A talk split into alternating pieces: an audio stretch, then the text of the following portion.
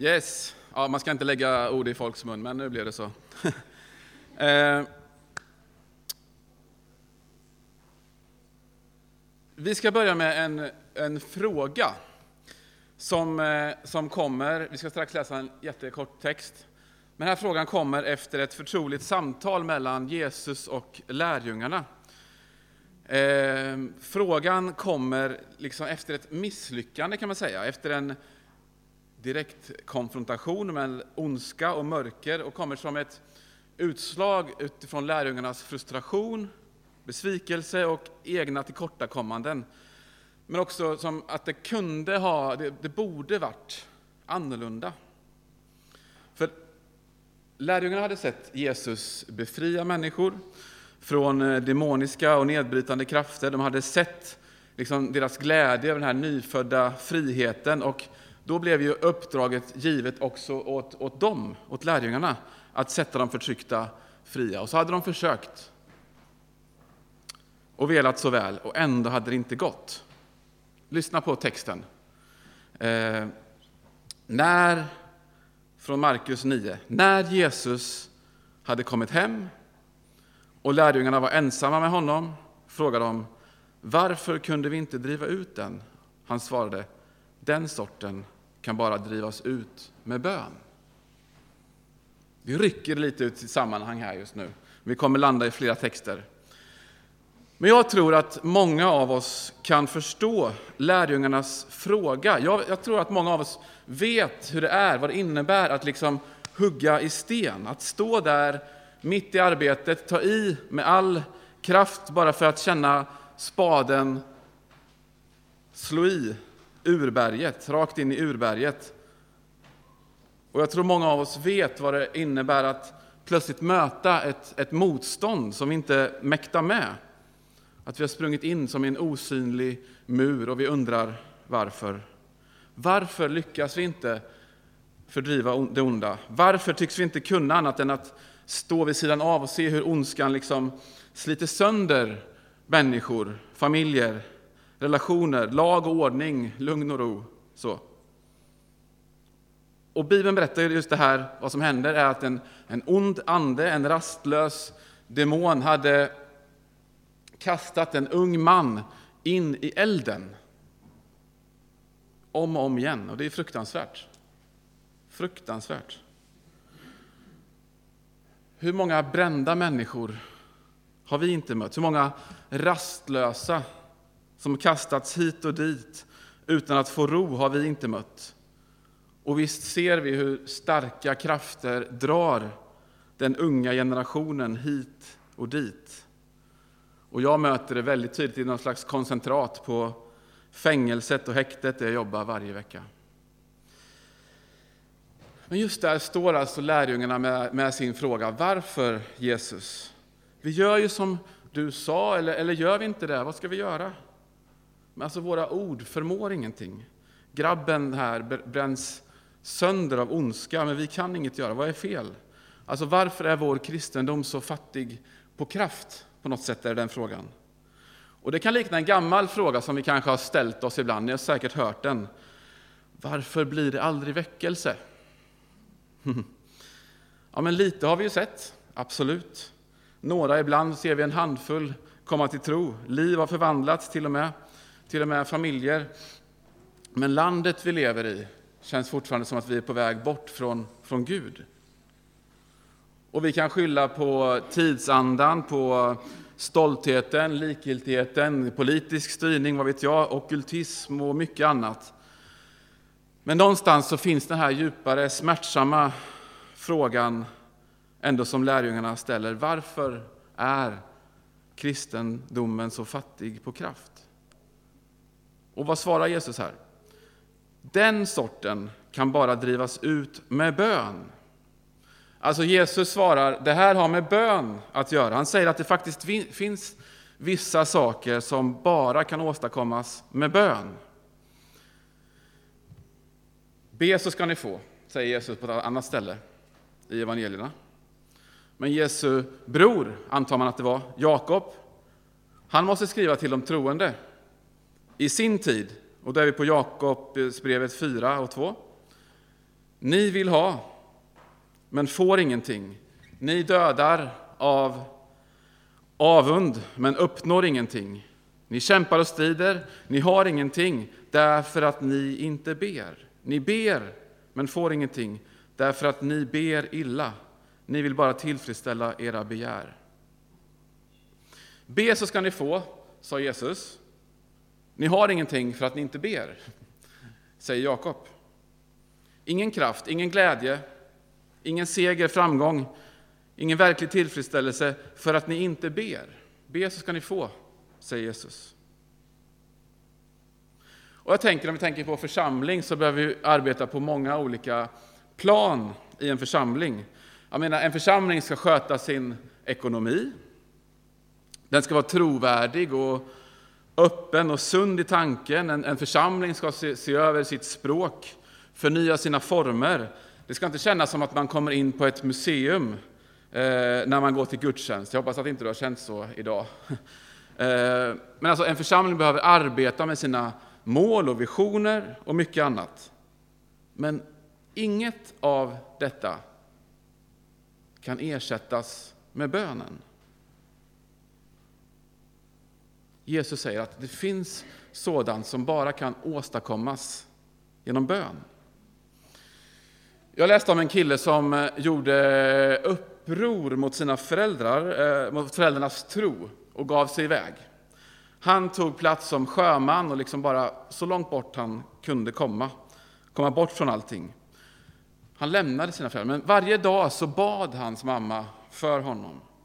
Hon kunde inte följa med honom, men hon kunde be för honom. Hon kunde inte övertala honom till någonting, men hon kunde tala med Gud. Och en dag så stod han på en pir på andra sidan ja, jorden, någon helt annanstans. Och plötsligt så, helt oväntat, som en blixt från klarblå himmel, så, så drabbades han av Guds närvaro. Och det var så tydligt att en av hans vänner som stod, som stod bredvid eh, sprang sin väg, eh, iväg liksom, av rädsla. För det var så starkt på något sätt. Och själv så drabbades han då av en stark längtan att få komma tillbaka till Gud, vilket han också gjorde den dagen. Och man tänker så här, vad annat än bönen kan åstadkomma något sånt? Hans mamma som bad. Det är någon slags eh, förlorade sonen-berättelse i, i modern tappning. Det här. Och Jesus säger att det finns gott om sådana situationer där, där bönen är den enda nödvändiga lösningen. Okej, okay, samtidigt så vet ju jag att eh, många av oss har hört så många predikningar om bön.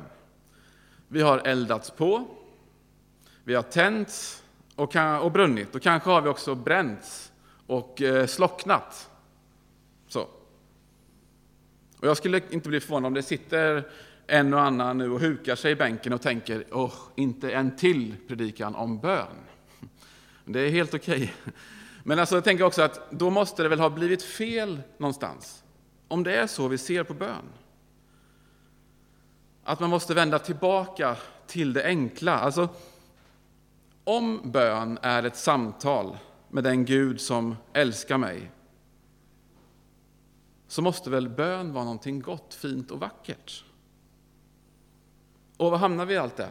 Alltså om, om bönen är det enda sättet att utföra vissa saker, om bönen är det nödvändiga, förtroliga samtalet med kärlekens Gud, men om bönen också samtidigt har blivit ett belastat område i våra liv, alltså belastat av, av krav, kanske av misslyckanden, vart tar det oss då? Men jag tänker att det tar oss till en fråga, eller till en önskan. Från, eh, lyssna till Lukas 11 och 1. En gång hade Jesus stannat på ett ställe för att be. När han slutade sa en av hans lärjungar till honom, Herre, lär oss att be, liksom Johannes lärde sina lärjungar. Herre, lär oss att be. Vad säger de orden till dig och mig? Ja, men de säger att det inte är så enkelt att be. De säger att det är någonting man behöver lära sig. Alltså på ett sätt är det ju enkelt att be. Det vet vi. Det är bara att formulera ärliga ord från hjärtat till Gud. Men på ett annat sätt så är det svårt.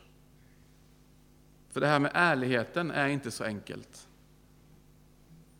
Så när Jesus, när Jesus eh, nu ska lära sina lärjungar att be, så börjar han peka på några, med att peka på några avarter av, av bön. Det vill säga det som Jakob kallade att, att be illa. Får man ens säga så? Tänk, du, ber in, du ber illa, liksom. så säger vi inte till varandra. Men det kunde man på Jakobs tid.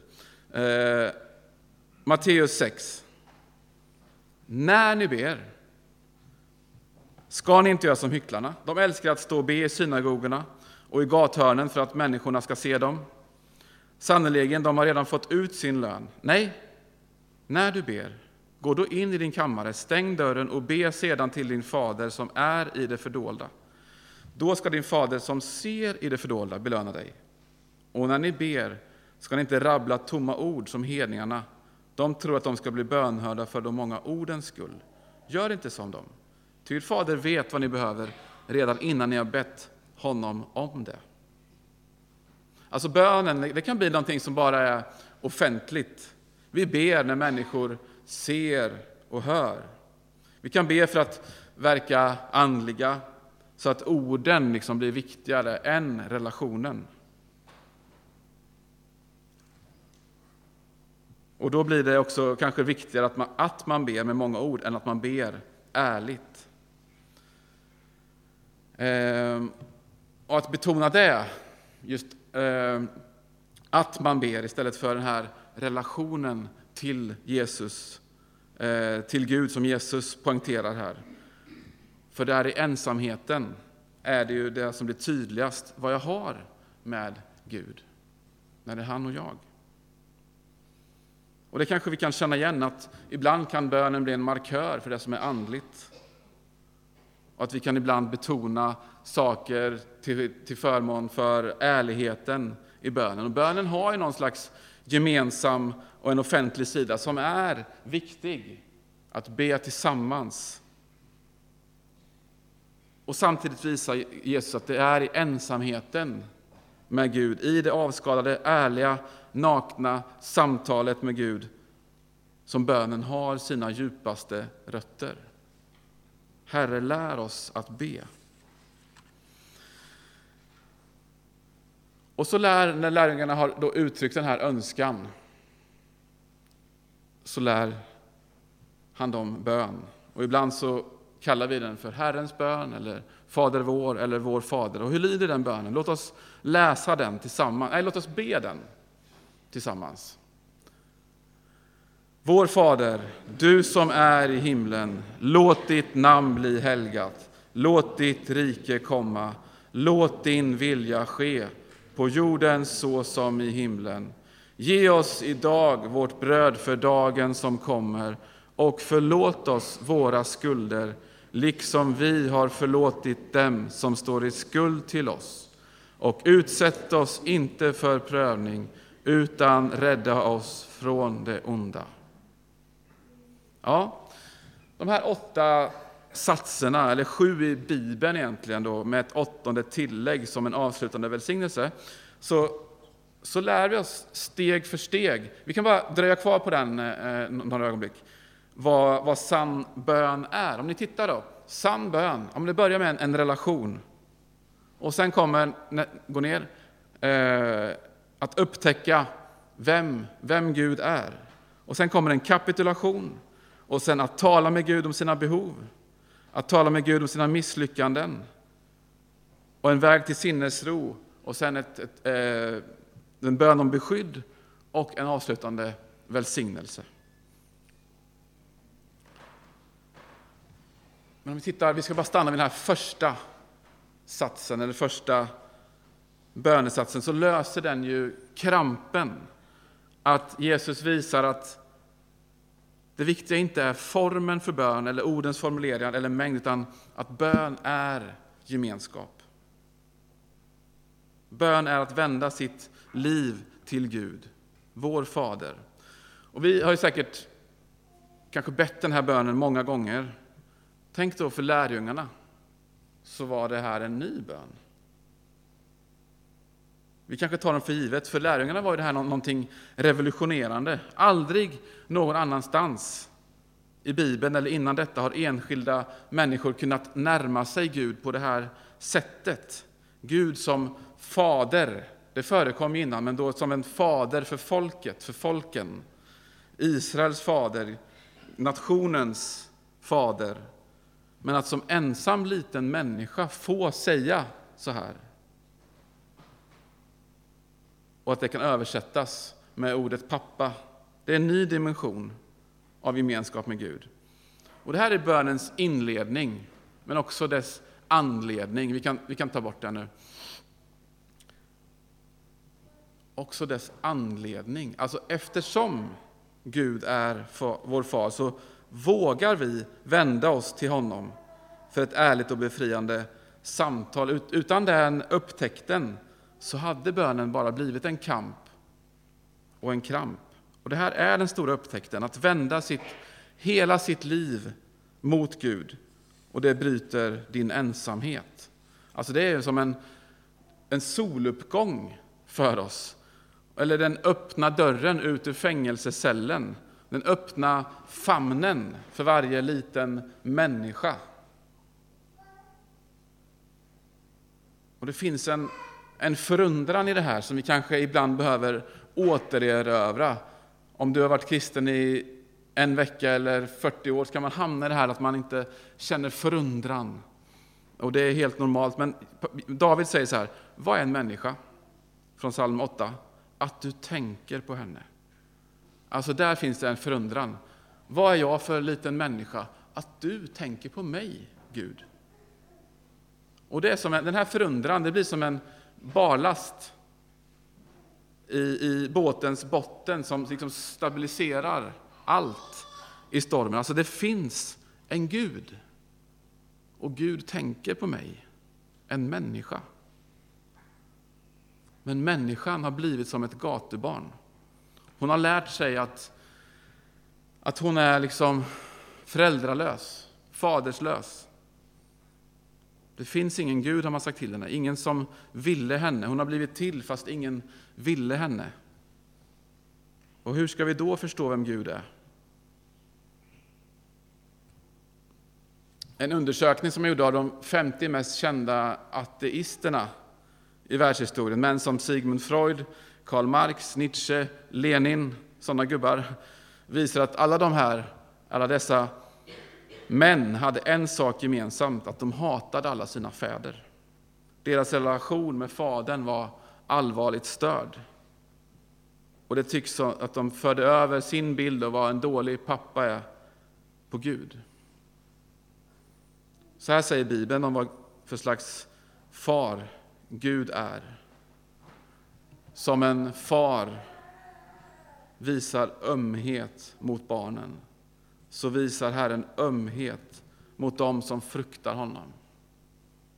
Välsignad är vår Herre Jesu Kristi Gud och Fader, barmhärtighetens Fader och all trösts Gud. Ta med er speciellt det där sista från Andra Korinthierbrevet. Barmhärtighetens Fader och all trösts Gud. Ta med det där bibelordet. Så ska ni be, menar Jesus. Vår far, pappa, du som älskade mig och ville mig, du som tänker på mig och vet vad som är bäst. Nu får jag komma till dig. Det är så Jesus lär oss att vi ska närma oss Gud. Och det löser på något sätt krampen och får föda en längtan. Och det föder, åtminstone hos mig, en bön. Ja, men Herre, lär mig att be så. Amen. Tack Jesus, tack Jesus för att du är här och du vill möta oss. Och du, du ser vad vi har för tankar och känslor kring att be, att komma till dig Gud och vara med dig. Lös de, den kramp som kan finnas, eller krav eller dåliga erfarenheter. Befria oss från det, Jesus. Låt oss närma oss dig som en god förälder som tar hand om, om mig, om dig, om oss, Gud. Vi tackar dig för det. Välsigna oss den här stunden, att vi får möta dig. Vi kan möta dig hemma också, men här är vi tillsammans och vi får tillsammans möta dig för den du är och hjälpa varandra i tillbedjan. Kom Jesus, kom heligande. Amen. Tack Jesus. Tack Jesus.